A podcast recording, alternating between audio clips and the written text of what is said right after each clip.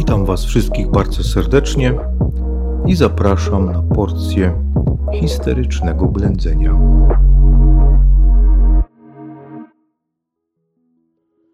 W dzisiejszym odcinku porozmawiamy o zmianach, jakie nastąpiły na terenie średniowiecznej, wczesnośredniowiecznej Europy po upadku Cesarstwa Rzymskiego, czyli o początkach feudalizmu i o tym, czym jest, czym był feudalizm. A więc wczesne średniowiecze, jak i w zasadzie większość średniowiecza, to głównie cywilizacja wsi.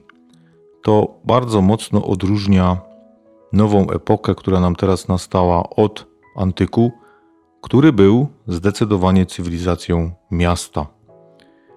Przeobraża się gospodarka, przeobraża się oczywiście też polityka, przeobrażają się też więzi społeczne. Ośrodki miejskie, które teraz we wczesnym średniowieczu istnieją, są zazwyczaj maleńkie, związane przeważnie z władzą świecką albo władzą kościelną. Handel tak bogaty i tak liczny w, w antyku, w czasach cesarskiego Rzymu, można powiedzieć, że zamiera. W zasadzie to, to, to można powiedzieć, że w ogóle zanikł, prawda? Bo w porównaniu z tym, co było wcześniej, teraz ta wymiana handlowa jest naprawdę mikroskopijna. Samowystarczalne organizmy wiejskie w zasadzie nie muszą niczym handlować. Mówimy na to, nazywamy to, te takie organizmy, które nam teraz w zachodniej Europie powstają, włością. Nazywamy to włością, czyli taki, taka, taka symboliczna nazwa. Włość oznacza właśnie taki organizm wiejski, który nie potrzebuje handlować, wszystko wytwarza na własne potrzeby i żadna, jakieś takie żadne wzmożone kontakty z sąsiadami bliższymi czy dalszymi no nie są w zasadzie potrzebne. Ludność na terenie Europy Zachodniej ma dosyć zróżnicowaną, zróżnicowany status prawny. Czyli mamy tą ludność germańską, rdzenną ludność germańską, która przybyła razem z wędrówkami ludów. No i oczywiście mamy też ludność romańską, która cały czas tam gdzieś sobie egzystuje. Różnice oczywiście będą się między tą ludnością z czasem zacierać i, i ujednolicać, prawda? Czyli, czyli gdzieś tam będzie to wszystko dążyło do wykształcenia się jednego modelu społecznego. Germanie przynieśli ze sobą wolnych chłopów, czyli wolny chłop służący w wojsku to jest jakby taka podstawa społeczna tych plemion germańskich. Natomiast ludy romańskie, które na tych terenach żyją, troszeczkę w innej strukturze funkcjonują. Tu tych wolnych chłopów w zasadzie aż tylu nie ma. Tu nie wiem, czy pamiętacie, jak mówiliśmy o początkach kolonatu, czyli o tej takiej zależności ludności wiejskiej od wielkich arystokratów czy też możnych panów to będzie się z czasem zacierało w stronę właśnie tego kolonatu. Czyli ta wolna ludność chłopska będzie zanikać, a rozwoju będzie, a, przepraszam, a rozwój będzie dotyczył tej ludności mm, zależnej, czyli, czyli będzie rozwijał nam się ten kolonat. Ma to związek z tym, że wojskowości, głównie państwo Franków, które będzie nadawało tutaj ton tym zmianom, tych wolnych chłopów za bardzo nikt już nie potrzebuje w tej armii, prawda? W armii potrzebna jest ciężko zbrojna konnica, która da początek rycerstwu. O tych rycerzach też sobie dzisiaj powiemy. No, oczywiście ci rycerze mają znaczną przewagę nad tą armią chłopską, taką byśmy powiedzieli, nie? Czyli ci wolni chłopi, walczący prostym uzbrojeniem, walczący pieszo w tym dużym państwie frankijskim nie są potrzebni. Ich zastępuje bardzo mobilna, ciężkozbrojna jazda, która na polu bitwy, mimo że mniej liczna, ale decyduje o wyniku starcia. Wojna wobec tego zaczęła nam się takim, zaczęła robić się takim zajęciem dla wybranych. To jest wielka cecha średniowiecza. To nam właśnie średniowiecze przyniesie, że wojną zajmuje się tylko i wyłącznie pewna kasta konnych rycerzy, którzy oczywiście muszą opłacić sobie swoje uzbrojenie, opłacić tą, te, te, to ciężkie uzbrojenie, zakupić konia, to, to, to wszystko jest dosyć drogie.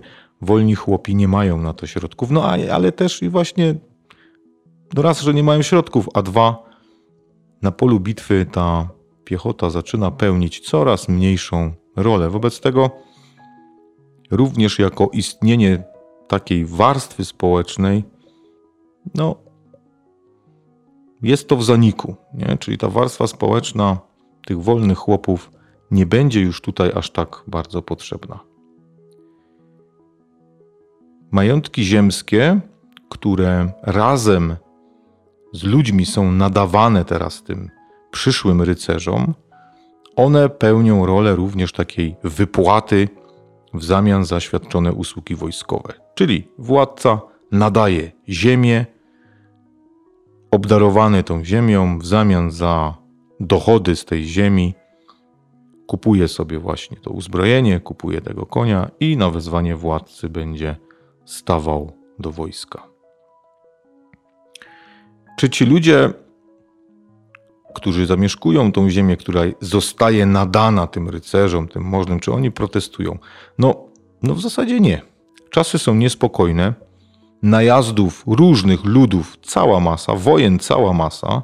W związku z tym, w tych właśnie jakże niespokojnych czasach, ta dotychczas wolna ludność wręcz szuka jakiejś opieki. Opieki możnych, opieki bogatszych. Zaczyna nam się rozwijać taki proceder, który nazywamy komendacją. Komendacja to jest taki twór prawny. Jest to w zasadzie dokument, bo mówimy o dokumentach komendacyjnych, taki rodzaj umowy pomiędzy tym, który oddaje się w opiekę, a tym, który tej opieki będzie udzielał. Te akty komendacyjne bardzo licznie przetrwały w źródłach do naszych czasów i one mogą mieć przeróżną formę. One były zawierane między przeróżnymi stronami, bo to nie tylko jedna osoba jednej osobie mogła oddawać się w opiekę, ale tu całe wioski mogły oddawać się w opiekę, całe miasteczka niewielkie mogły oddawać się w opiekę. Tu, tutaj jakby nie ma co do tego żadnych ograniczeń. I ta umowa, ta, ta specyficzna umowa prawna, ten akt komendacyjny, on oczywiście określał wszystkie powinności każdej ze stron. I powszechnie uważamy, że właśnie te akty komendacyjne stały się takim zaczątkiem systemu lennego, systemu feudalnego, który w Europie Zachodniej zapanował. System ten był oparty właśnie o zależność pomiędzy seniorem a wasalem. Senior to ten, który się opiekuje, a wasal to ten, który się oddaje w opiekę. Nie ma żadnych przeszkód, żeby wasal zawarł również jakiś akt komendacyjny z jeszcze jakimś sobie podległym innym wasalem, stąd ten wasal może być równocześnie wasalem, jak i seniorem.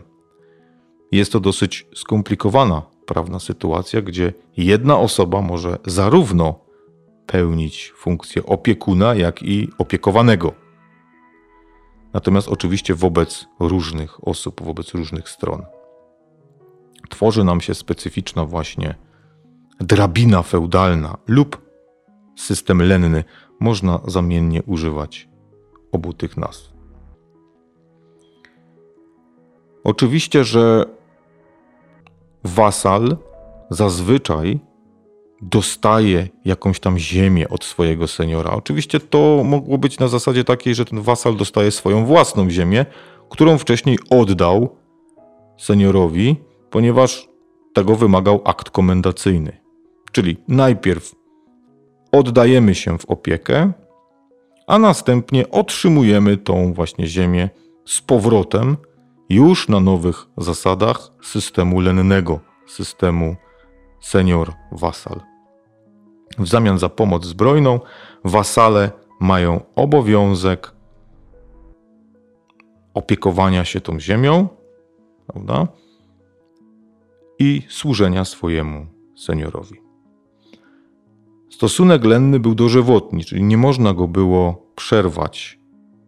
Można było pozbawić wasala, lennika jego ziem tylko w sytuacji, kiedy ten zdradził lub dokonał jakiegoś jawnego złamania przysięgi. Po śmierci seniora lub wasala bardzo szybko odnawiano ten, te akty komendacyjne, bardzo szybko odnawiano ten cały, ten, tą całą zależność lenną, stąd mówimy w średniowieczu o dziedziczeniu lenna, prawda? Czyli raz oddana ziemia jakiejś rodzinie pozostawała w niej w zasadzie dożywotnio. Na szczycie całej tej piramidy, na szczycie całej tej drabiny feudalnej oczywiście stoi król. Skoro nad królem nie ma już żadnego innego seniora, będziemy tego najwyższego seniora nazywać suzerenem. Potem oczywiście mamy kolejnych możnych, mamy jakichś tam rycerzy, duchowieństwo, no i gdzieś tam na samym dole mamy chłopów. Oczywiście ilość tych możnych, tych rycerzy w tej drabinie jest y, różna. Niekoniecznie musiał być taki trójstopniowy podział. Tam tych możnych mogło być więcej, prawda? Więksi możni, mniejsi możni, więksi rycerze, mniejsi rycerze itd., tak itd. Tak Nadawanie tego Lenna wykształciło z czasem bardzo uroczysty ceremoniał i miało bardzo uroczysty przebieg. Oczywiście przyszły wasal musiał klęknąć przed seniorem, złożyć ręce. Stąd zresztą pozostał taki zwyczaj do dnia dzisiejszego, prawda, idąc do kościoła, składając ręce w takiej formule Amen. No właśnie, tak to, tak to wyglądało, czyli ten wasal składa te rączki tak właśnie w takiej formule Amen. Przyszły senior obejmuje jego ręce swoimi i przyjmuje go w opiekę. Oczywiście wasal składa przysięgę na wierność, a z kolei senior dokonuje jakiegoś tam przekazania, prawda, pierścienia, sztandaru lub innego symbolu związanego z ziemią, którą teraz ten wasal będzie dzierżył. Ten cały proces nadania lenna, czy też nadania ziemi w lenno, nazywamy inwestyturą nadaniem inwestytury. To jest bardzo ważne słowo, ponieważ ono się będzie w historii nam jeszcze przewijać. Będziemy wspominać za jakiś czas o tak zwanym wielkim sporze o inwestyturę między papieżami a cesarzami, czyli już wiemy, że spór o inwestyturę, przekładając to tak z polskiego na nasze, to jest właśnie spór o to, kto nadaje lenno czyli kto ma prawo do tych swoich wasali, prawda? Wykształci się w systemie lennym Europy Zachodniej taka zasada, w zasadzie prawo, iż wasal mojego wasala nie jest moim wasalem. Bardzo skomplikowanie to na pierwszy rzut oka brzmi, ale jest to summa summarum dosyć proste do wytłumaczenia. Czyli wasal jest obowiązany wierność tylko i wyłącznie swojemu bezpośredniemu seniorowi. Jeżeli król nadał inwestyturę, nadał ziemię w Lenno możnym, ci możni nadali z kolei te ogromne dobra rozlicznym swoim rycerzom, również w Lenno, za pomocą inwestytury, to ci rycerze, jako wasale tych możnych, są im zobowiązani wierność, a nie królowi. To będzie doprowadzało w Europie do coraz większego rozdrobnienia feudalnego, bo jak się domyślacie, bardzo często ci możni z tego właśnie korzystają w rozlicznych buntach przeciwko swoim suzerenom, przeciwko swoim władcom.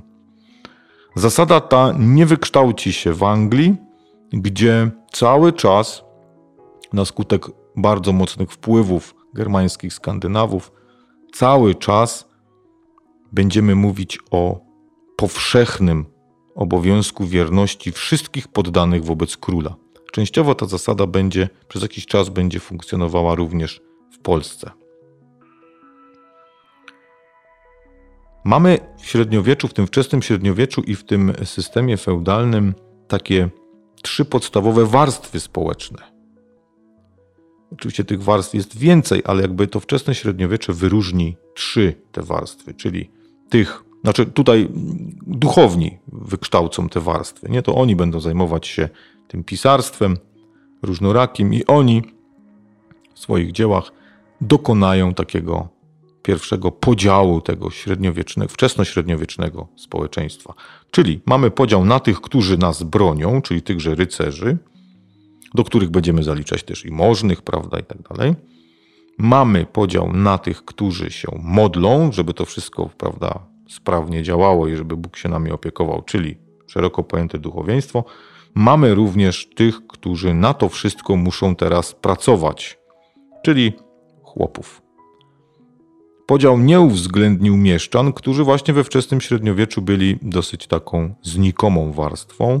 Będzie to rodziło w przyszłości, szczególnie w późnym średniowieczu, dosyć liczne konflikty. Nie?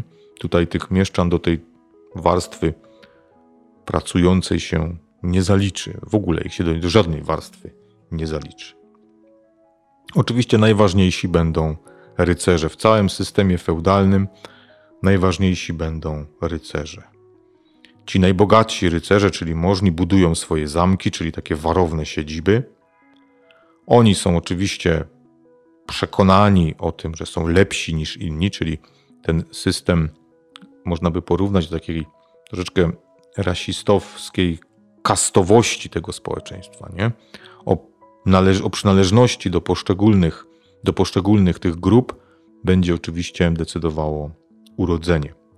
No a rycerze, tak jak wspomniałem, przekonani o swojej wyjątkowości, będą tworzyć też bardzo wyjątkową kulturę tej swojej, tej swojej kasty, tej swojej warstwy. Czyli w to będzie wszystko wchodziło, prawda, to uroczyste pasowanie na rycerza, czyli to przyjęcie do tego, do tego grona, tej zacnej warstwy, znaki rozpoznawcze, czyli herby, które będą dziedziczone, które będą takim graficznym wyrazem lep, lepszej warstwy społecznej. Nie?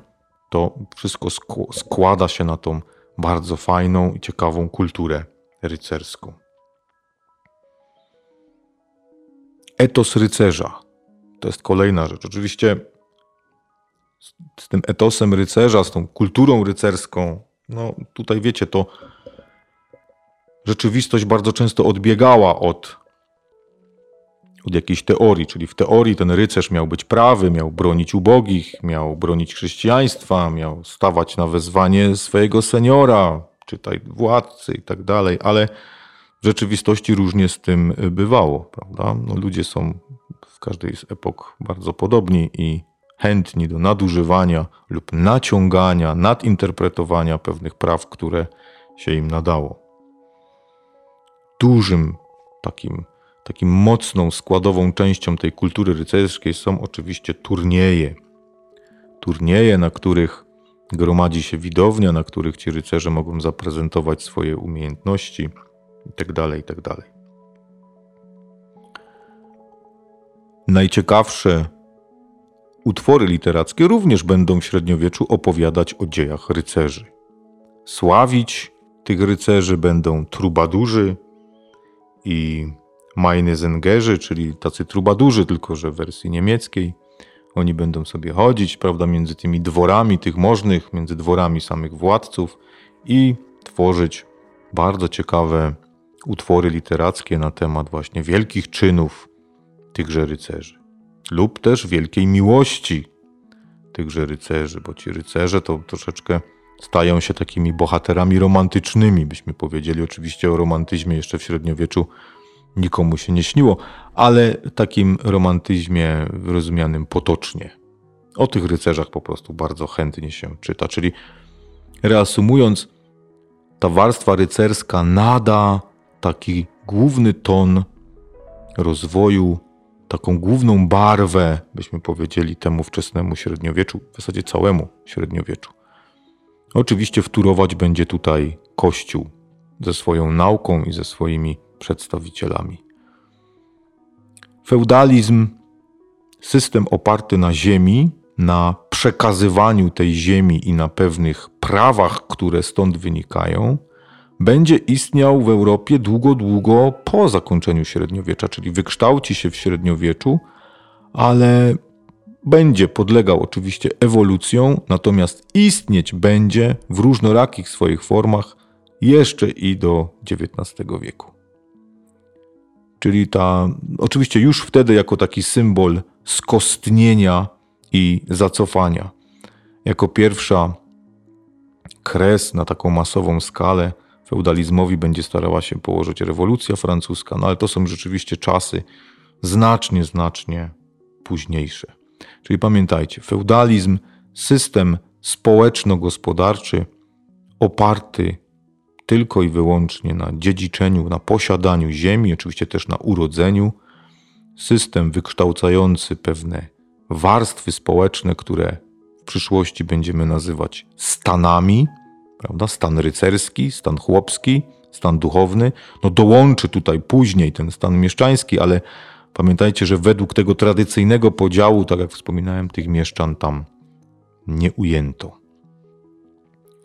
No i ten cały skomplikowany na pierwszy rzut oka system lenny, czyli system zależności pomiędzy zależności prawnych pomiędzy poszczególnymi stronami.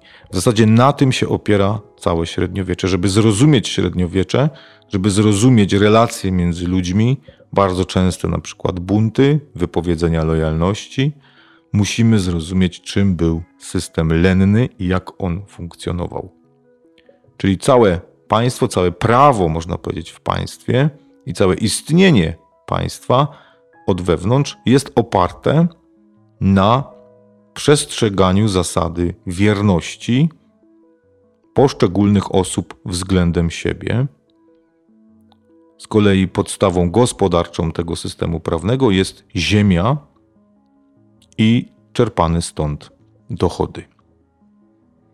Jest to troszeczkę, słuchajcie, temat skomplikowany, jak zresztą wszystkie społeczne tematy w historii. Pamiętajcie, że feudalizm nie wykształcił się tak punktowo od razu, tylko jest to również dosyć długi proces. Niemniej jednak to słowo, ten feudalizm, będzie nam już teraz w historii towarzyszył. Coś będzie feudalne, ktoś będzie przedstawicielem feudalizmu, czyli zazwyczaj będziemy mówić o właśnie tej formie, tej tradycyjnej formie sprawowania władzy w oparciu o o, o nadawanie ziemi i w oparciu o urodzenie, nie? czyli o przynależność do pewnych arystokratycznych grup społecznych. Ale to są oczywiście melodie przyszłości. Póki co pamiętajmy o jakby początkach tego systemu. Pamiętajmy, czym jest drabina feudalna, czym jest system lenny. To jest w zasadzie jedno i to samo, tylko w różnoraki sposób jest to nazywane. To mam nadzieję wystarczy na omówienie tego wszystkiego, tego bardzo skomplikowanego mm, procesu zmian gospodarczo-społecznych w Europie. Dziękuję za uwagę i zapraszam na kolejne słowisko.